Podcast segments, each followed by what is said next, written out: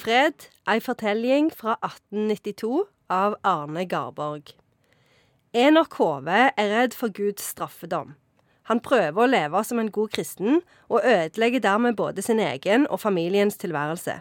Til slutt tar han sitt eget liv. Den boka fikk vi i julegave av sjefen et år. Den har jeg lest første setning av.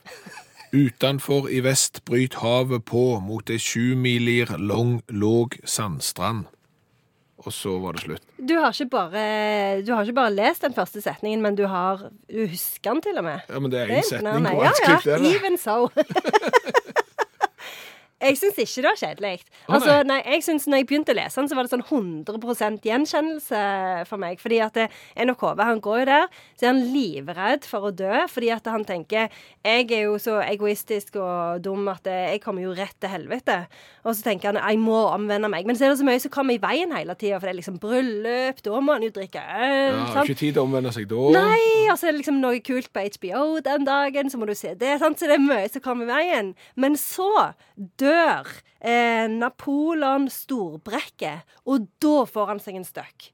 For Napoleon Storbrekke han er liksom banne og lever livet. Og så plutselig dør han, og tenker han sånn Nå sitter Napoleon i helvete, og hvis jeg ikke skjerper meg, så skjer det samme med meg. Han Storbrekke døde han ved Waterloo, eller var det Nei, overraskende nok så døde han hjemme på Jæren. Vet vi noe om hva for noen kaker som ble spist i begravelsen? Vi har en mistanke. første kake? Det var det de brukte på Jæren på den tida.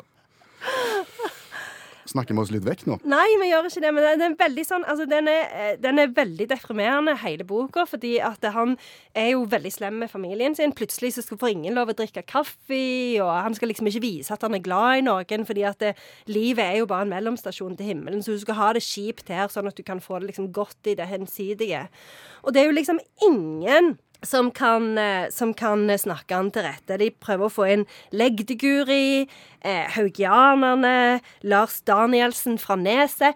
Ingen kan snakke Enok til rette, for han har bestemt seg for at eh, liksom, nei, her skal det strenghet til. Men er dette tanker og menneskesyn og livssyn som preger Norge på den tida? Ja, det er det. Og det er eh, et eksempel på en eh, litteraturhistorisk retning som heter naturalismen. Så, hvor de var veldig opptatt av å beskrive fattigdom. Eh, og de var òg veldig opptatt av at menneskelivet ikke nødvendigvis var noe du kunne velge sjøl. Liksom Hvis du var inne i et spor, så, så var det det sporet du måtte følge, liksom.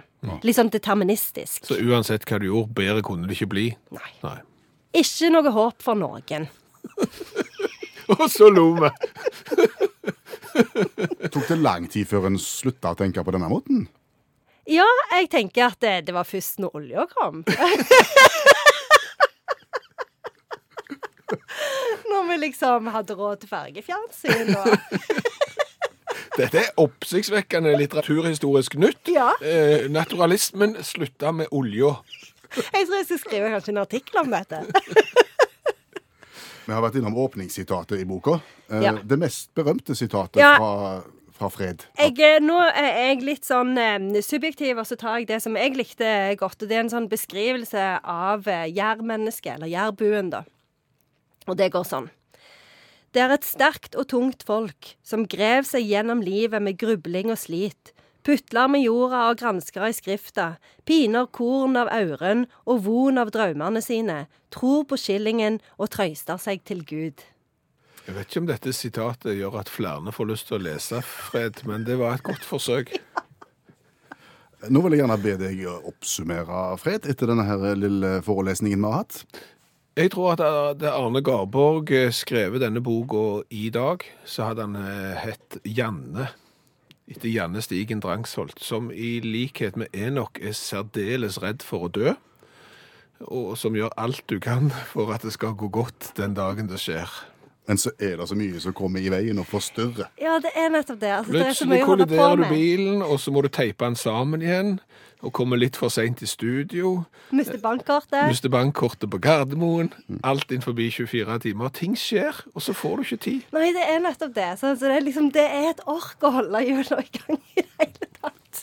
Men husk det, utenfor i vest bryt havet på mot ei sjumilir lang, låg sandstrand. Det er så sant. Tusen takk, Janne Stigen Hove Drangsholt. Litteraturviter og forfatter.